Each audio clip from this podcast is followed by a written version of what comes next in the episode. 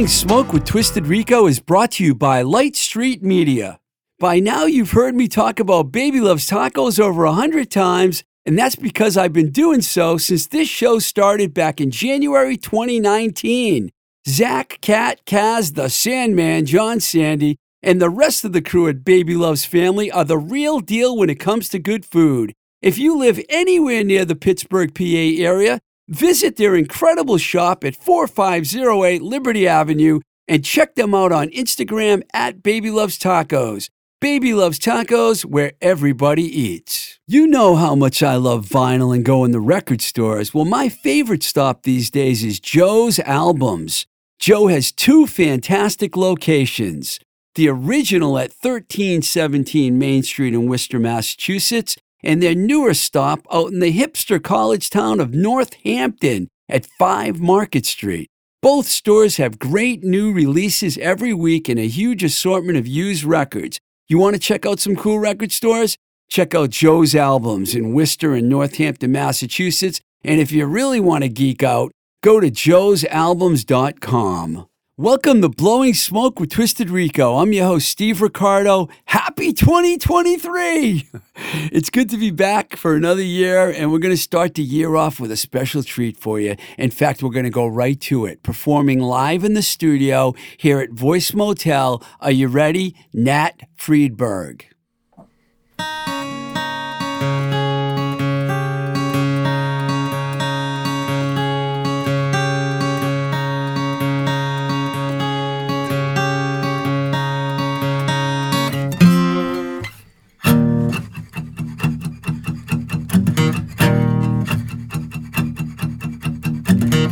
Freedberg. into the old saloon.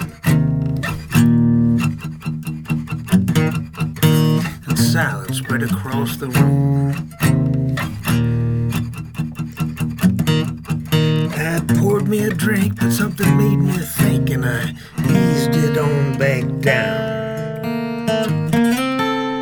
I said, Take my seat, cause no one can beat the fastest gun in town.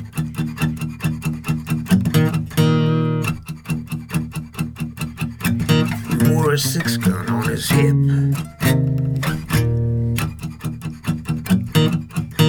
With diamond inlays on the grip. And he was quick with a laugh, but quicker still by a half, and you didn't want to see him frown. If you didn't want to die, you didn't want to try the fastest gun in town.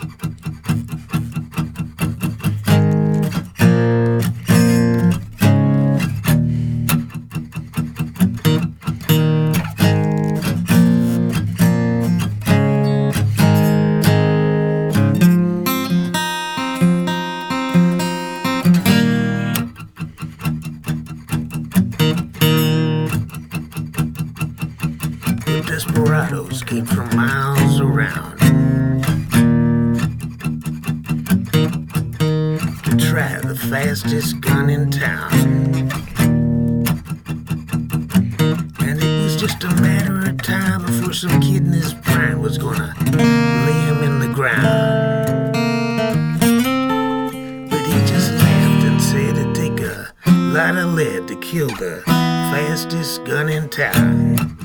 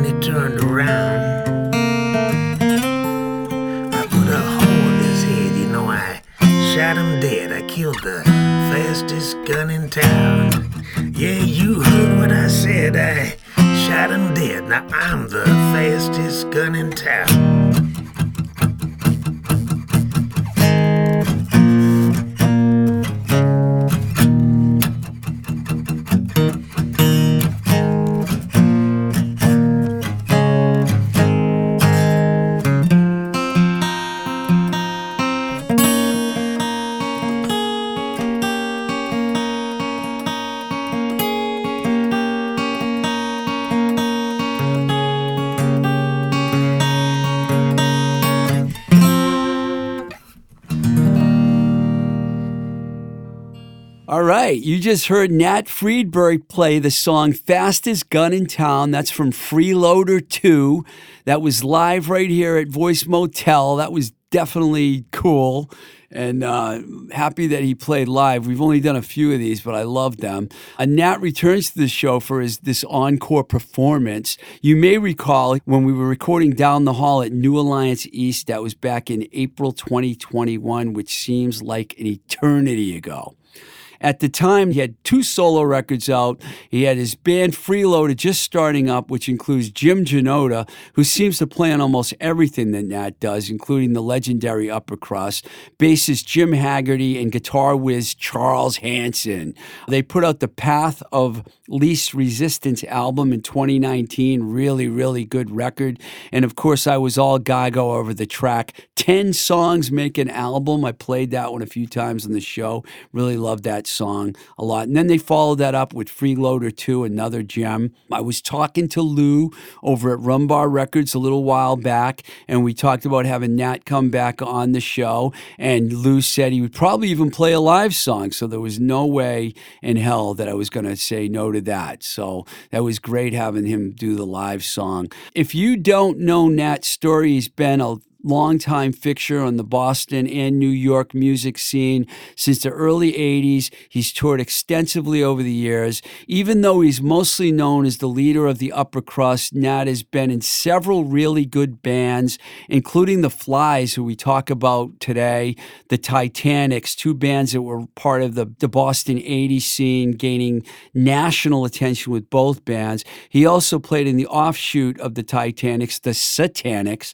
and the Clan Diggers, along with the solo stuff that he's done. You know, he, he released Better Late Than Ever and record number three, and he's just had a prolific career. So it's great having him in here. Uh, in the interview that you're going to hear right now, we talk about a lot of that stuff and a few other things. So without any further ado, here I am talking with the great Nat Freedberg. All right good to have you back in the on the show again, and uh, thanks for playing that song for us in the studio. That, that, was very exciting. Thank you, Steve. Thanks for having me. Yeah, you were you were last here um, well, we did it in a different room in April 2021, and you were pretty busy at the time. You were released. You released a few solo records. You were promoting Freeloader, "The Path of Least Resistance," a record I really like a lot. By the way, great song, great musicians. Oh, and you. soon thereafter, Freeloader Two. I believe the song you just played was on Freeloader Two. That's right. Yeah. Before we talk about some of your other solo stuff, I was curious: is Freeloader something that you're going to continue to do in the future, or is that like was that like a project that just because I know those guys are all busy guys and stuff. Yeah, yeah. Um, that yeah, I think I, I think I'm going to keep on doing it. It just seemed to be like I was writing a lot of different kinds of things in different genres, but there was um, a bunch of like kind of sleazy '70s two guitar rock and roll that seemed to be its own project, and that turned into the um, the freeloader thing. So as I continue to uh, write that kind of stuff.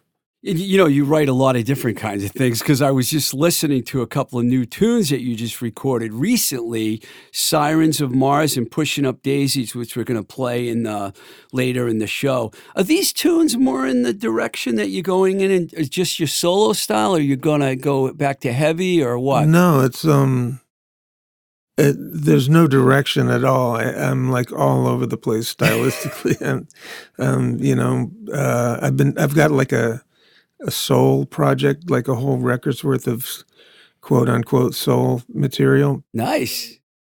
That I'm working on trying to get done.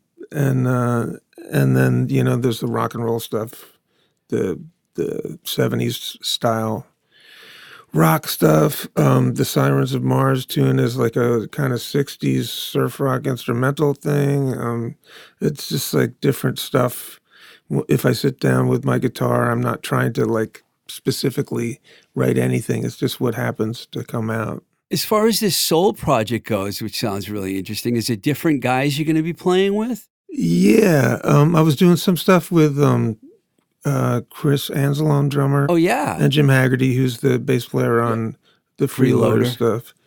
And um, and I'm going to do. I think I might rope uh, Jim Janota back in to play some drums on some stuff, some of that stuff and just it's it's going to be like a uh, a little bit, you know, different musicians on different songs and things like that. But I was going to ask you about Janota because I know you sang on the song uh, Godzilla, yeah, which he released. Was that something you guys planned, or did Jim just come to you one day and say, "Hey, I got this song. Will you sing on it?" yeah. Well, he sent me the words, and um, I wrote the music, and we recorded drums.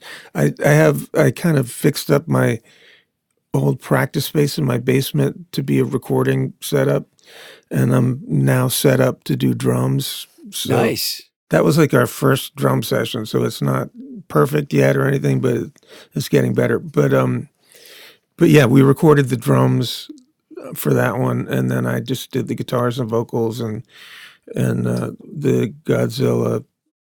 Yeah, I heard that. I was like, well, I knew it was you singing the minute I heard it, you know, but it was just Janota. He came down here one day, actually. He wasn't on the show, but he came with someone else and sat in the corner.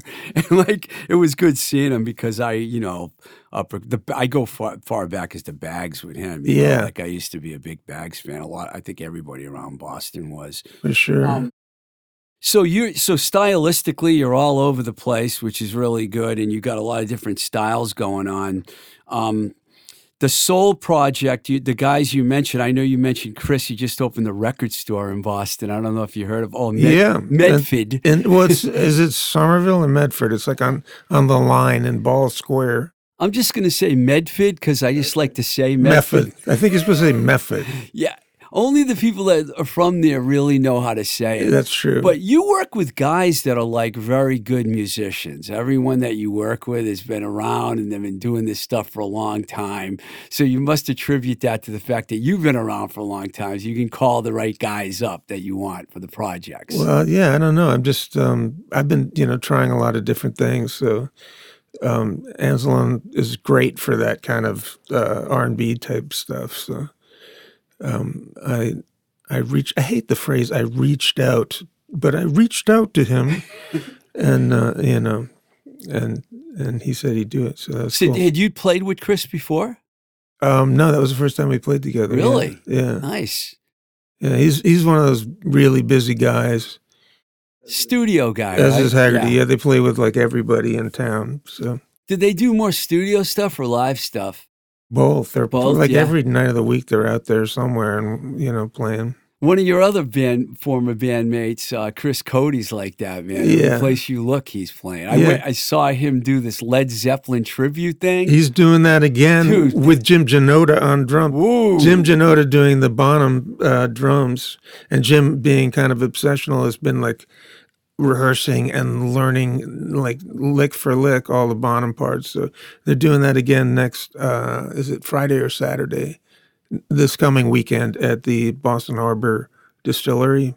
Well, this was a street, uh, open street kind Yeah. of thing that I saw. I was there for one of those things for the yeah for one of those porch fest thing? Yeah, I, you might have been there, and I didn't. Maybe I did see you. it was I in think- somebody's driveway. Yeah, it was in someone's driveway. You know, I think I did see you from the corner of my eye, Oh, but you were sitting on the side, and I was way in the back with Ed. I was hanging with Ed V that day. Oh, cool. And we were watching, and we were just blown away by how good those guys do Zeppelin. They're really good. Forget yeah. about Get the Lead Out. I know they they're on tour. Touring is, but those guys were like, oh my god, I didn't know Chris Cody could sing like that. Oh, he can do anything. He's um he's like a gifted mimic. He's got a voice that can do absolutely anything. Yeah. Yeah, so I mean, if you if you ever d- done any like tribute t- things like that yourself, are you into I that? I never have, but I see people do it and I keep going, I could do that, you know, better. But I I see you doing Bon Scott era ACDC. That's what I see. it's probably more difficult than it sounds. You know,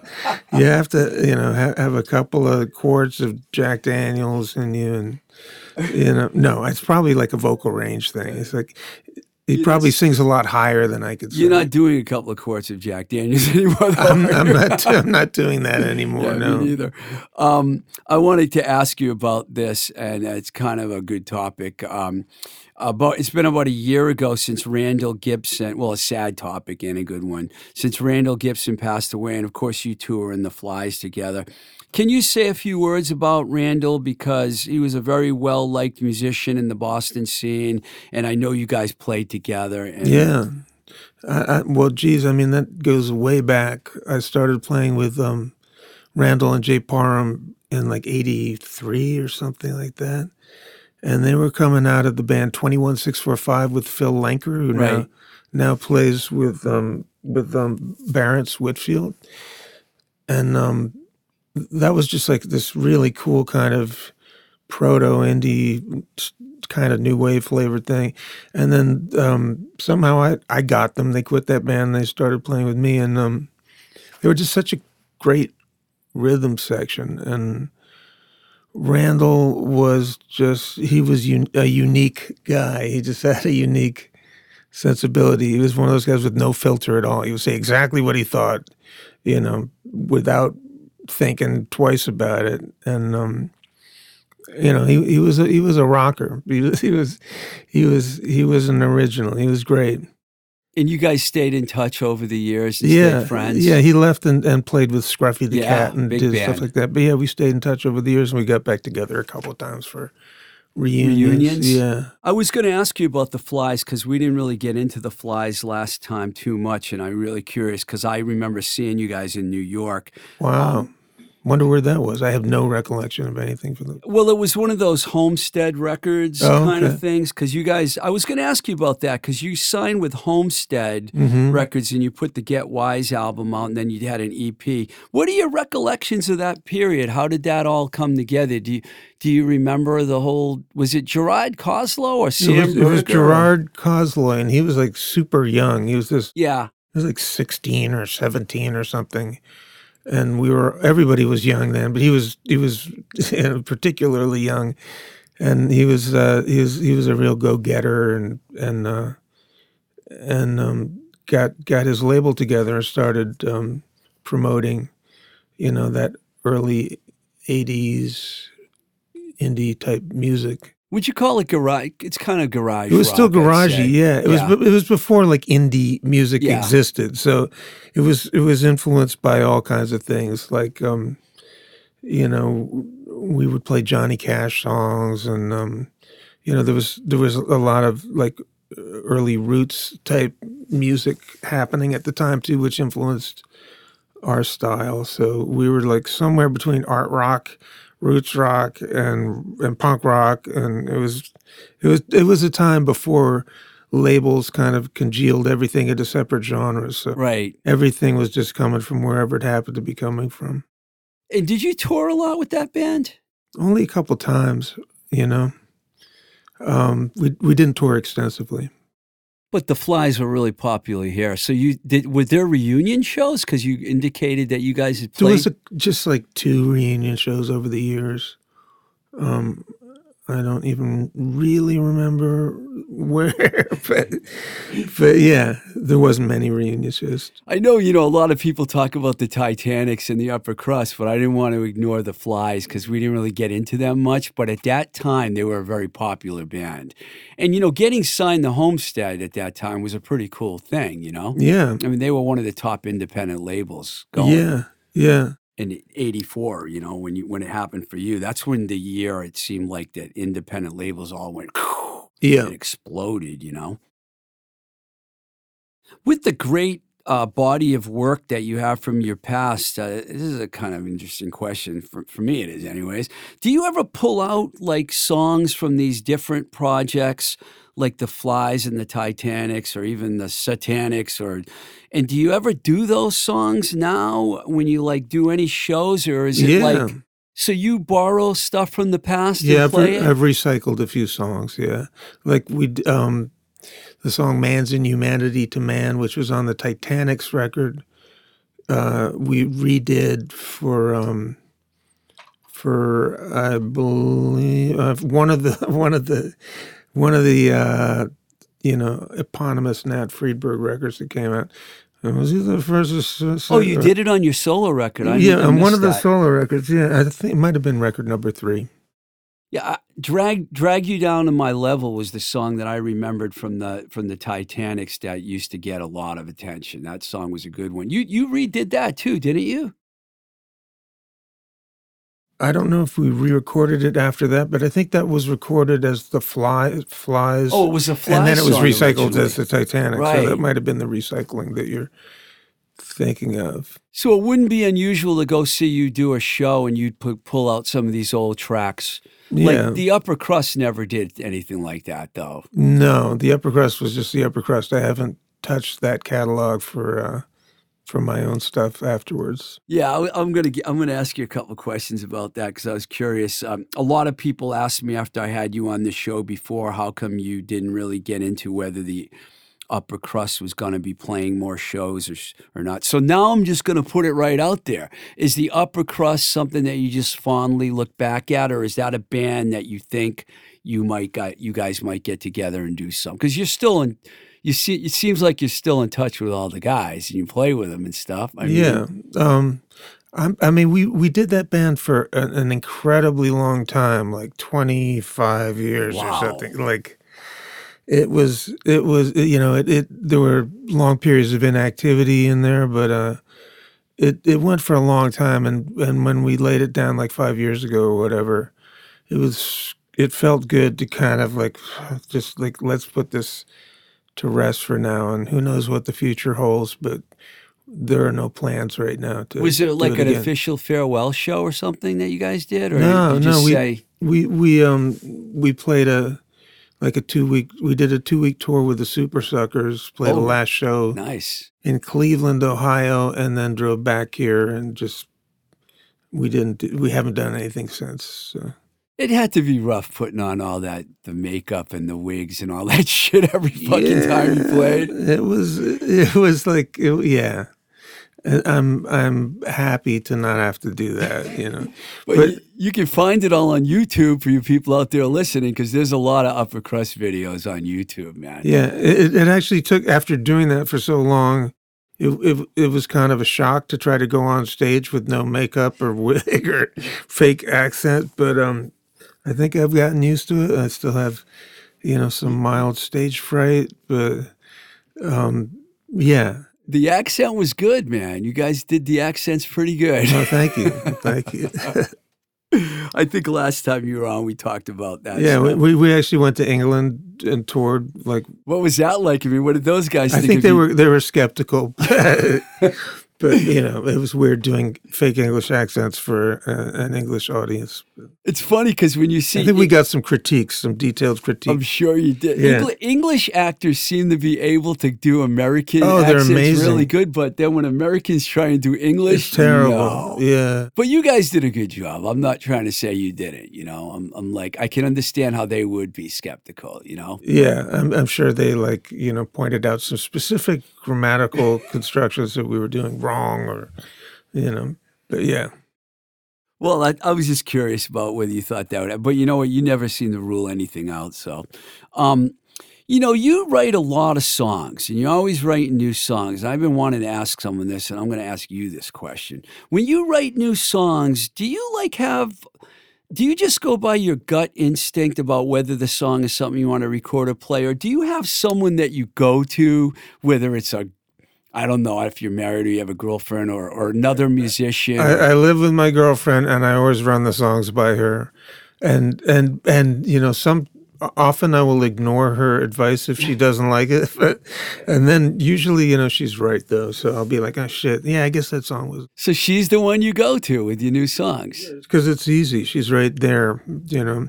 So Do you ever feel the need to like get in touch with other musicians that you've worked with and say, "Hey, what do you think of this song?" Or do you just know what you're going to do once you write the song?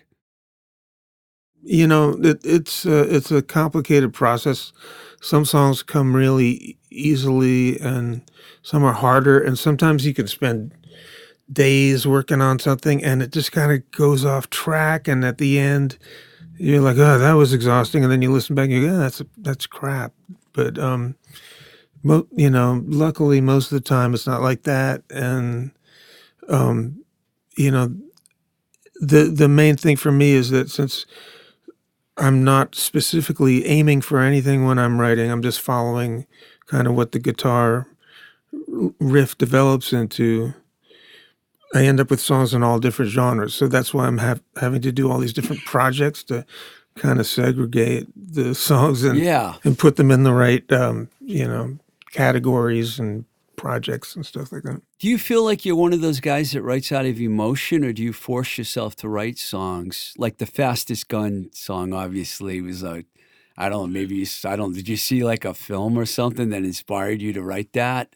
I don't know where that came from. Some a lot of songs, um, the best songs, it sometimes seems like you write them and you just don't have any recollection of how they happened. So, you know, um, that's I like that song a lot. I, I don't really remember what was going on in my head as I was writing that, but uh, I, it, you know, I, I just usually start playing guitar and and throw a couple of riffs together, and it develops into something. So you write the music first? I, I usually write the, the yeah. yeah. Some some songs, the lyrics come first, and then I just kind of rattle off music to it. But um, Have you written with anyone else, or try to? you know, I, I haven't. I I sometimes wonder what that would be like, but You've never collaborated with another songwriter?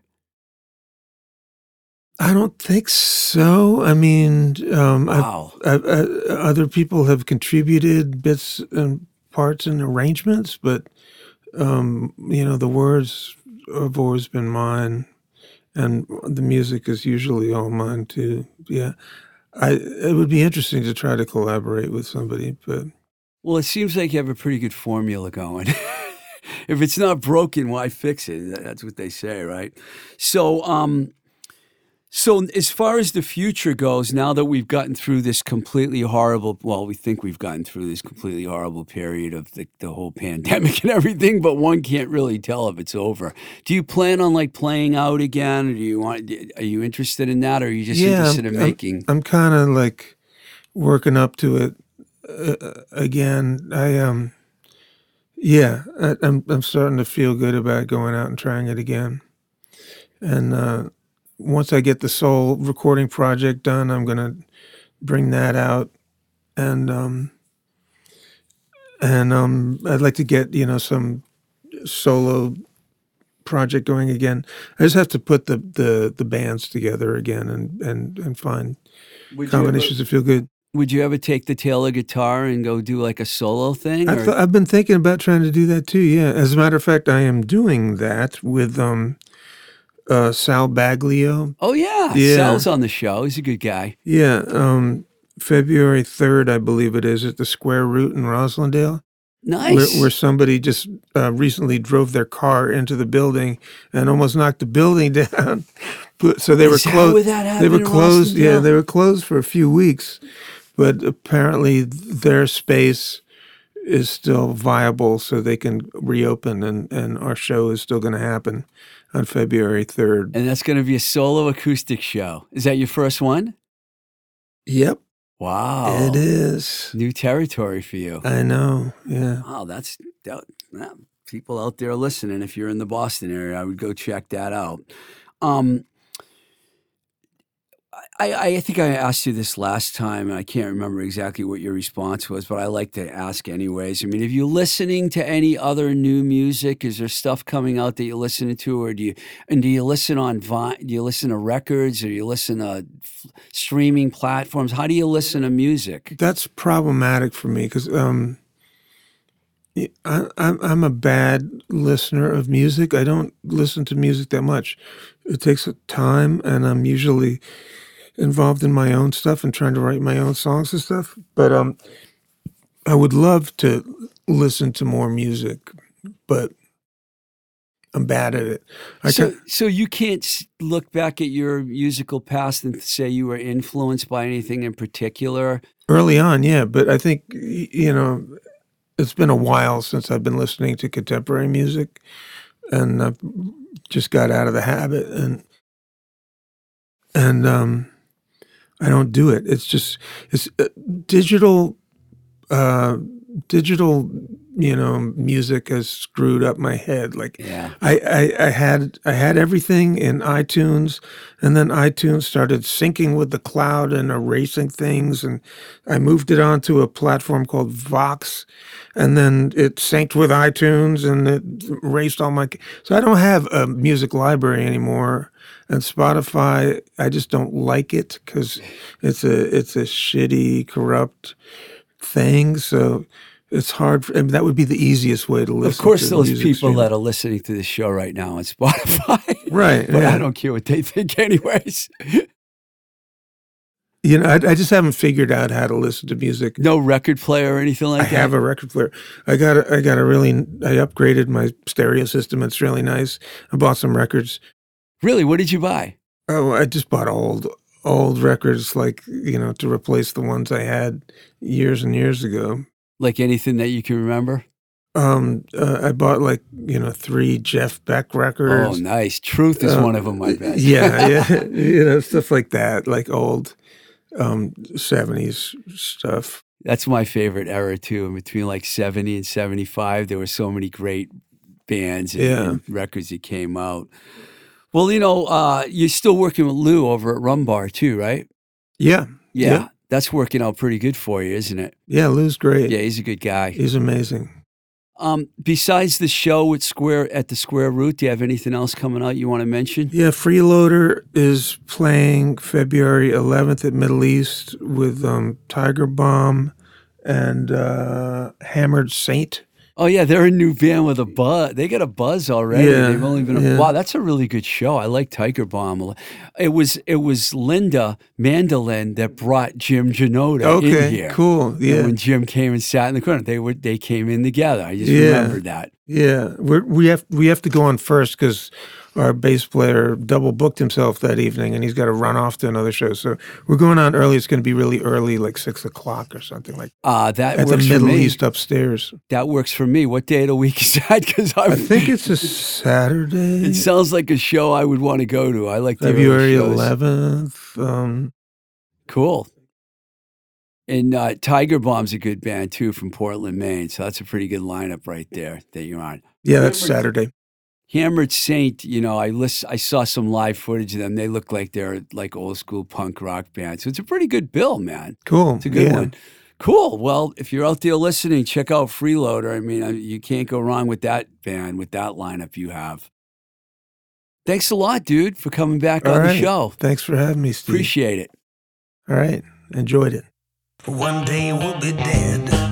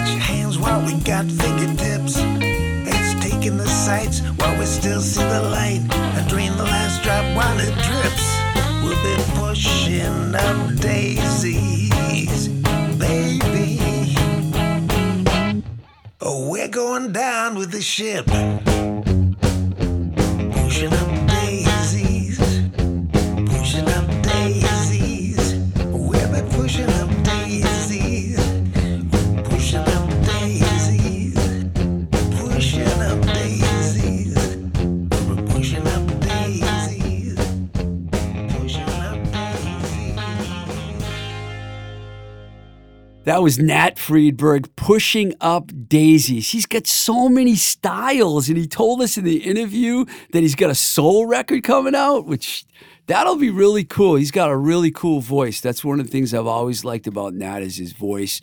Uh, he's one of those rock and roll lifers. Uh, you know, that, everyone's been talking about, looking up to for like the last 40 years. He's still writing and recording. Uh, you know, I like I like when guests come back for a second or even a third time. Sometimes you feel like you just can't cover everything in one interview, so it's good having them back. Okay, let me remind you folks out there listening that Blowing Smoke with Twisted Rico is a free show supported by you, the listeners.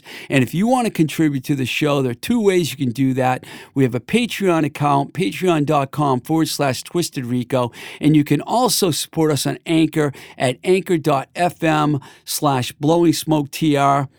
I just want to take this opportunity to thank all the supporters of the show, including Baby Loves Tacos, Joe's Albums, and Light Street Media, as well as everyone that's on the Patreon and Anchor page. It's you people that keep this podcast going. Also, if you're an artist, musician, producer, music writer, comedian, got to get Shayna to get a comedian on this show, actor, sex worker, and you're interested in coming on the show, we have a booking agent, Shayna. You can reach her at Booking Blowing Smoke with TR on Instagram or by email, Booking Blowing Smoke with TR at gmail.com. That's Booking Blowing Smoke with TR at gmail.com. You should also follow the Instagram page that she has, which is really cool. She puts up a lot of content that we don't put up, or I don't put up, I should say. You can follow me at Twisted Rico on Instagram, also at Blowing Smoke with TR, and also on YouTube, Facebook, and TikTok, TikTok at Twisted Rico. Yes, we're everywhere. Thank you very much. Oh, here's something I always forget to remind you folks, and I'm asking you, please do this. If you go on any of our pages where our show is, please rate the show. I don't care what kind of a rating you put up there, but hit that rating button and please rate it and also subscribe to all these pages. It's really important. I need your subscriptions and I need you to rate the show. All right. It's good being back here at Voice Motel with Mike Nash at the helm, who does the recording and the editing today. And it was extra special to have a live performer. So thank you, Mike, for doing that. And here we go. Till the next time we say goodbye. This is Blowing Smoke with Twisted Rico. I'm your host, Steve Ricardo. Keep the rock and roll alive. Blowing Smoke with Twisted Rico is brought to you by Light Street Media. Take it away, Milk Toasting Company.